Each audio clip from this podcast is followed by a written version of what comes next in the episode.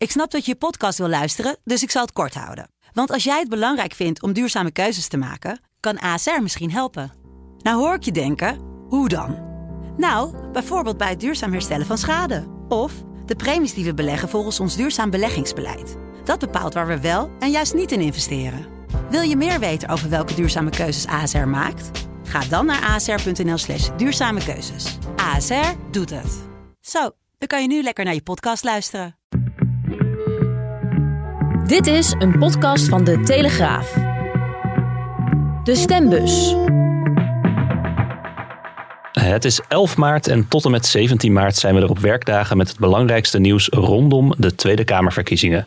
Mijn naam is Robert Ophorst en vandaag spreek ik met onze parlementaire verslaggever Alexander Bakker over het laatste coronadebat. We gaan het hebben over de lange tenen van het Team Kaag en over de op zijn zachtst gezegd moeizame campagne van Wopke Hoekstra. Aan de lijn is uh, Alexander Bakker. Alexander, goeiedag.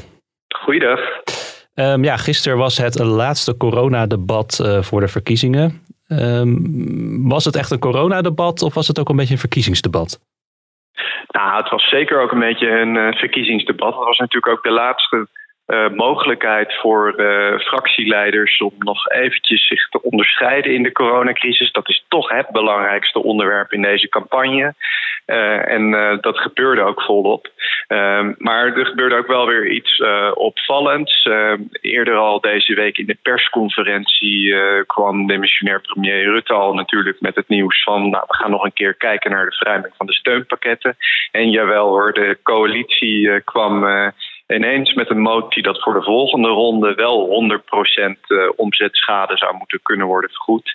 Uh, en ja, dat is wel ja, eigenlijk een beetje zuur voor veel ondernemers. Want meerdere ondernemersorganisaties, Koninklijke Horeca Nederland, Ondernemend Nederland, die vragen hier al maanden om. Hè, van vergoed nou die omzetschade voor de volle 100%.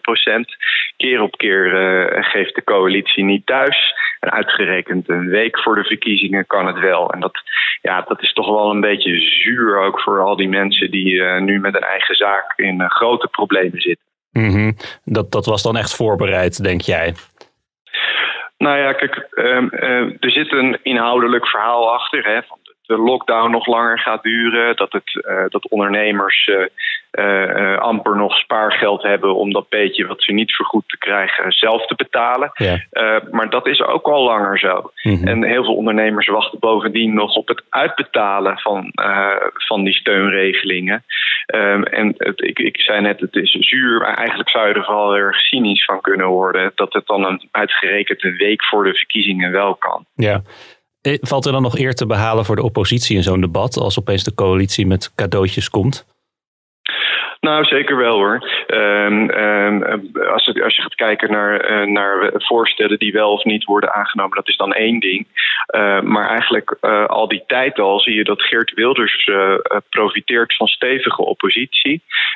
hij doet dat anders dan Forum voor Democratie, die meer in de hoek zitten van dat is allemaal onzin en stop ermee. Mm -hmm. en Wilders die probeert echt te, te, prikken op het beleid. Dat hij gisteren opnieuw door heel erg natuurlijk weer op die avond klok te drukken, waar Rutte eerder van heeft gezegd van nou ja, hè, dat is een maatregel die als eerste door de shredder moet. Hij ligt nog steeds uh, bovenop de stapel, hè, volgens Rutte.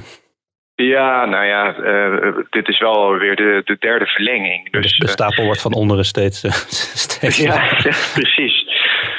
Dus dat is wel. Um, en, en, en ja, je ziet dat je dan ook best wel stevige oppositie kan voeren. Uh, ook kan opvallen. En dat is natuurlijk wel heel erg belangrijk. Onderscheiden in de campagne. Ja.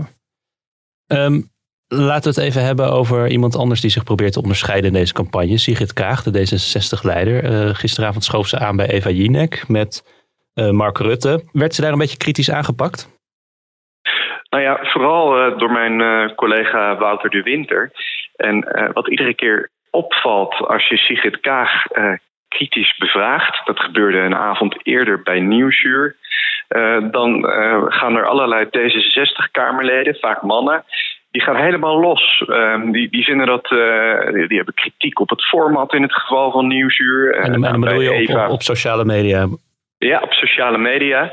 Ehm, en het is toch wel een beetje gek, want het is altijd de partij die uh, heel groot punt maakt van, van nepnieuws en het belang van onafhankelijke journalistiek.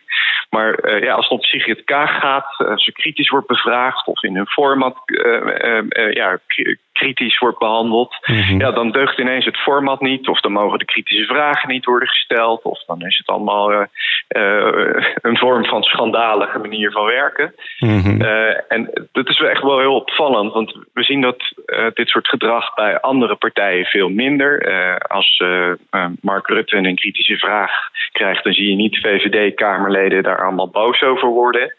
Uh, en bovendien bij Nieuwsuur uh, komt bijna iedereen aan de beurt. Dat is ook het sterk van het format. Hè. Of het nou een links of een rechtse partij is, iedereen krijgt dezelfde stevige behandeling.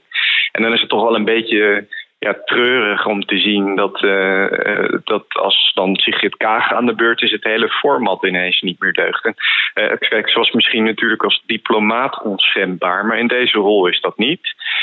en nou ja, het allerbelangrijkste denk ik nog, ze weet die kritische vragen over het algemeen ook best goed te pareren. Ja. Um, dus ze heeft deze rare vorm van steun van deze 60 mannen helemaal niet nodig. Maar is dat dan een beetje een soort overdreven drang van die mensen om haar heen om haar te beschermen? Of stuurt ze dat zelf ook aan? Nou, ik, ik heb het idee dat dit, dat dit uh, toch een beetje de onderdeel is ook van de strategie. Hè? Dat, uh, um, dat uh, ja, toch een beetje doen alsof ze af en toe uh, slachtoffer is. En harder mhm. wordt aangepakt dan anderen. Ja, om het te framen. Ja, en, dat, en dat, dat is gewoon niet het geval. Zeker niet als je kijkt naar Nieuwsuur. Er, uh, hebben, ik heb er eigenlijk nog niemand gezien uh, die het daar echt makkelijk heeft. Uh, en ja, als je dan doet alsof en het ineens allemaal een nieuwsuur ligt bij Sigrid Kaag, ja, dat is gewoon een beetje, een beetje een zwaktebod. Iemand anders, je noemde net al even Nieuwsuur, iemand anders die, die zat gisteren bij Nieuwsuur, dat is Wopke Hoekstra. Ja, um, hij is nu acht weken lijsttrekker. bij het CDA hebben ze natuurlijk net zo lang op Hugo de Jonge ingepraat tot hij zich, tot hij zich terugtrok. Um, met, met, met steun van Pieter Omtzigt. Hè. We kennen die beelden nog. Die kwam bij Hoekstra thuis om zijn, eh, om zijn steun uit te spreken. Nou, Lieselot vond het ook uh, helemaal goed. Hij werd met gejuich ontvangen. De kandidatuur van, uh, van of het lijsttrekkerschap van Hoekstra. Torentje werd bij wijze van spreken al ingericht. Van die jubelstemming is niet heel veel meer over, geloof ik nu. Nee, want in de peiling zie je echt geen Hoekstra-effect. Um, nu uh, uh, zou je denken van nou ja, dat, uh, dat kan dan nog een beetje beter worden in die debatten. Maar bij die debatten en, en, bij de televisie-interviews, daar valt toch op dat hij ja, niet altijd zijn cijfers goed op orde heeft. Dat was bij Nieuwsuur het geval rondom de eigen vergoeding die het CDA wil, bij huisartsenposten. Ja. Um, maar een dag eerder al in een debat met Klaver over het minimumjeugdloon. Ja, en dat is natuurlijk niet echt sterk voor een minister van Financiën als je je cijfers niet op orde hebt. Ja. Um, dus daar schrikken ze bij het, uh, bij het CDA eh, ook echt wel van. Dat is uh, niet goed voor, voor de campagne. Um, hij heeft natuurlijk in de zomer eerder gezegd van dat hij dat lijsttrekkerschap niet zag zitten, omdat hij dat toch niet, ja, zo'n rol in de politieke arena niet helemaal bij hem vond passen. En dat lijkt toch ook wel een beetje nu uit te komen. Ik moet wel zeggen, het is natuurlijk ook niet makkelijk hè, dat je in zo'n korte tijd als lijsttrekker alle dossiers moet kennen. Ehm, nog niet veel ervaring hebt met mhm. stevige debatten, kritische interviews op televisie over echt alles wat je maar kunt bedenken. Hetzelfde zie je ook een beetje terug bij, uh, bij Ploemen, die natuurlijk ook nog niet zo heel lang het stokje heeft overgenomen van uh, Lodewijk Asscher. Um, dat is echt wel pittig. Ja. Maar uh, het is zeker iets waar ze bij het CDA zich zorgen over maken. Hij gaf het gisteren bij Nieuwsuur zelf ook even aan, hè, Hoekstra, in het debat met een huisarts. Het ging inderdaad over die, die eigen bijdrage die mensen dan bij de huisartsen post moeten, moeten, moeten betalen volgens, volgens het CDA. Hij zei toen ook op een gegeven moment van ja, ik ben nu acht, acht, weken, acht weken lijsttrekker met een fantastisch programma. En af en toe word ik geconfronteerd, ik parafraseer nu even, met mhm. dingen die en in gesprekken met waar dan blijkt dat het misschien toch niet helemaal, uh, dat het beter kan of dat het misschien anders moet. Of dat we nog eens met die mensen in gesprek moeten. Dus hij gaf zelf ook al een beetje aan, hè? die kaart trok hij al van ja. Ja, maar in dat gesprek dat je dan ook niet kan benoemen hoeveel je moet gaan betalen. Ja, onlangs waren natuurlijk de doorrekeningen van het Centraal Planbureau. En daar werd juist dit ook door andere partijen er heel erg uitgelicht. Dus ook in een uh, debat, uh, of in een van de debatten die nog gaan komen, ja, kun je die vraag weer verwachten. Dus hier moet je gewoon uh, op voorbereid zijn. Ja. Dit is echt zo'n punt waarin ze opvallen, waar veel kritiek op is. dus die kun je ook van verre aanzien komen. Wat, wat, wat kan het CDA nou nog doen de komende, de komende week? Nou ja, Hoekstra kan in ieder geval nog volop gaan studeren je kunt altijd een beetje uitgaan van nou ja, welke aanvallen kun je precies zien aankomen. Hè. Ze weten wat voorstellingen er in ieder geval gaat komen, gaan komen bij de debatten. Um, dus dat is echt gewoon een kwestie van, uh, van goed studeren. Veel politici oefenen ook. Hè. Dan gaan ze met collega-Kamerleden of mensen uit het campagneteam. En dan speelt de een Klaver en de ander die speelt Rutte. En dan gaan ze ook helemaal nadenken over uh, uh, ja, wat voor mogelijke aanvallen ze kunnen doen. Um, dus dat is een kwestie van veel trainen, uh, lezen, lezen, lezen, lezen. Straks hoort u wat er verder op het programma staat voor vandaag, maar eerst een overzicht van het laatste campagnenieuws. Het was weer even ouderwets hommeles bij 50PLUS.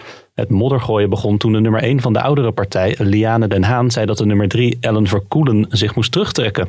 Na drie dagen gesteggel lijkt er een gewapende vrede getekend. Den Haan liet woensdag weten bij Op1 dat een verzoenende koffiedate is ingepland. Nee, er zijn data uitgewisseld. Dus ik heb haar vanmorgen inderdaad gesproken. En?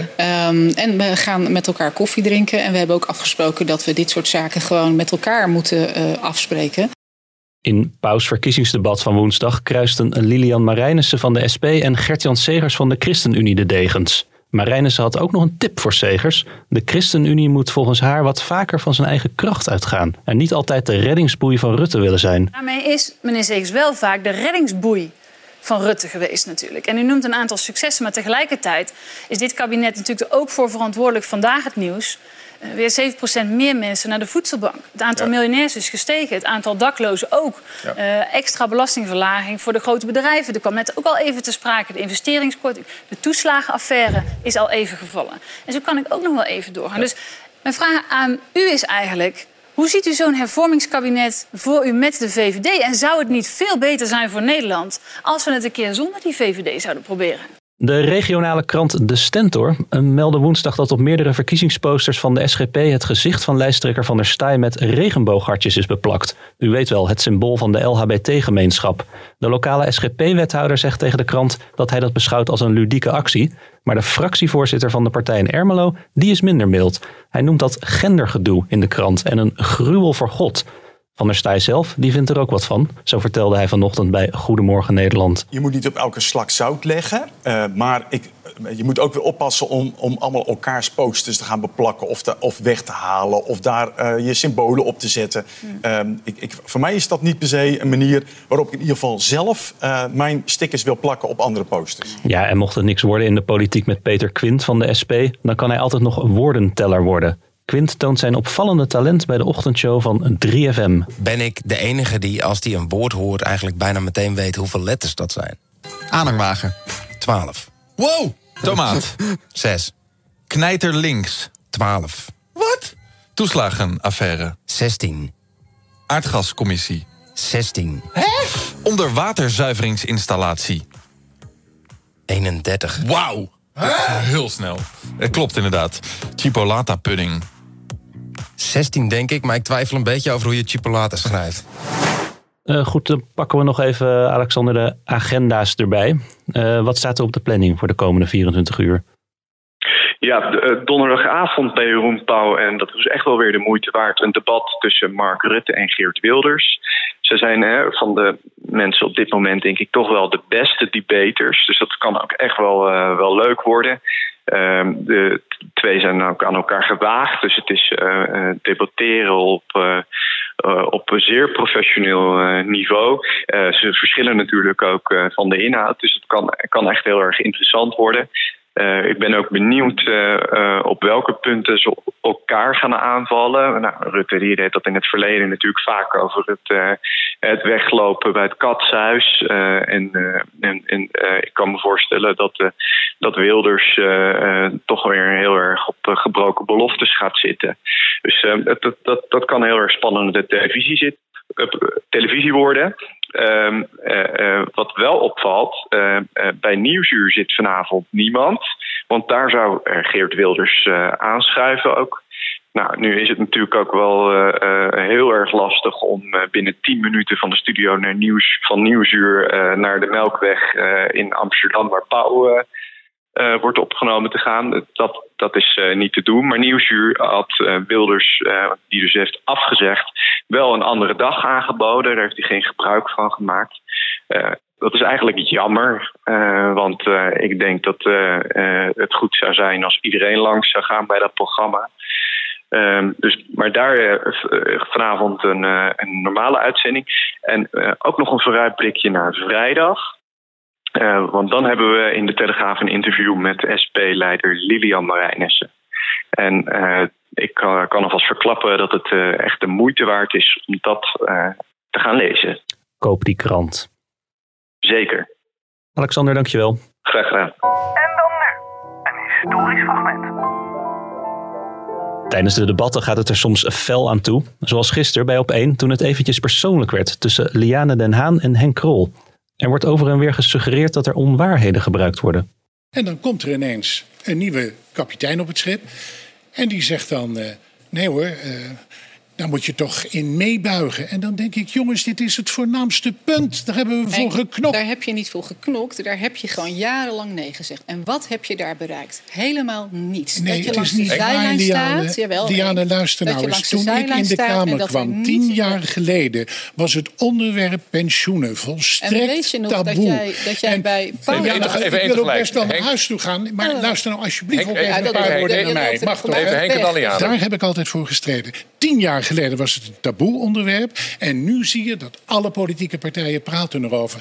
Dat hebben we bereikt. Liegen en verdraaien van de feiten. Het is van alle tijden. Hans Wiegel betichtte Joop den L van Jokken tijdens de Tweede Kamerverkiezingen van 1981. Nou, wat staat daar? Mag ik even voorlezen wat er staat? Dat betekent, ik kan zelf ook lezen, ja. misschien kan de camera het ook zien. Dat betekent een extra huurverhoging van tenminste 20 procent. hoe kan de heer Wiegel maar suggereren dat dit bouwbeleid succesvol is geweest? Wat betreft de woonlasten, dat gaat niet, dat gaat niet om gemillimeter. Hij jokt, hij jokt gewoon. Nee, ik geef feiten. Dit was hem, de stembus voor vandaag. Eh, vond je het nou een leuke podcast? Laat dan een review achter in de App Store of abonneer je via jouw podcastkanaal, zodat je niks mist. Morgen zijn we er weer met een nieuwe update van de campagne voor de Tweede Kamerverkiezingen. Tot dan.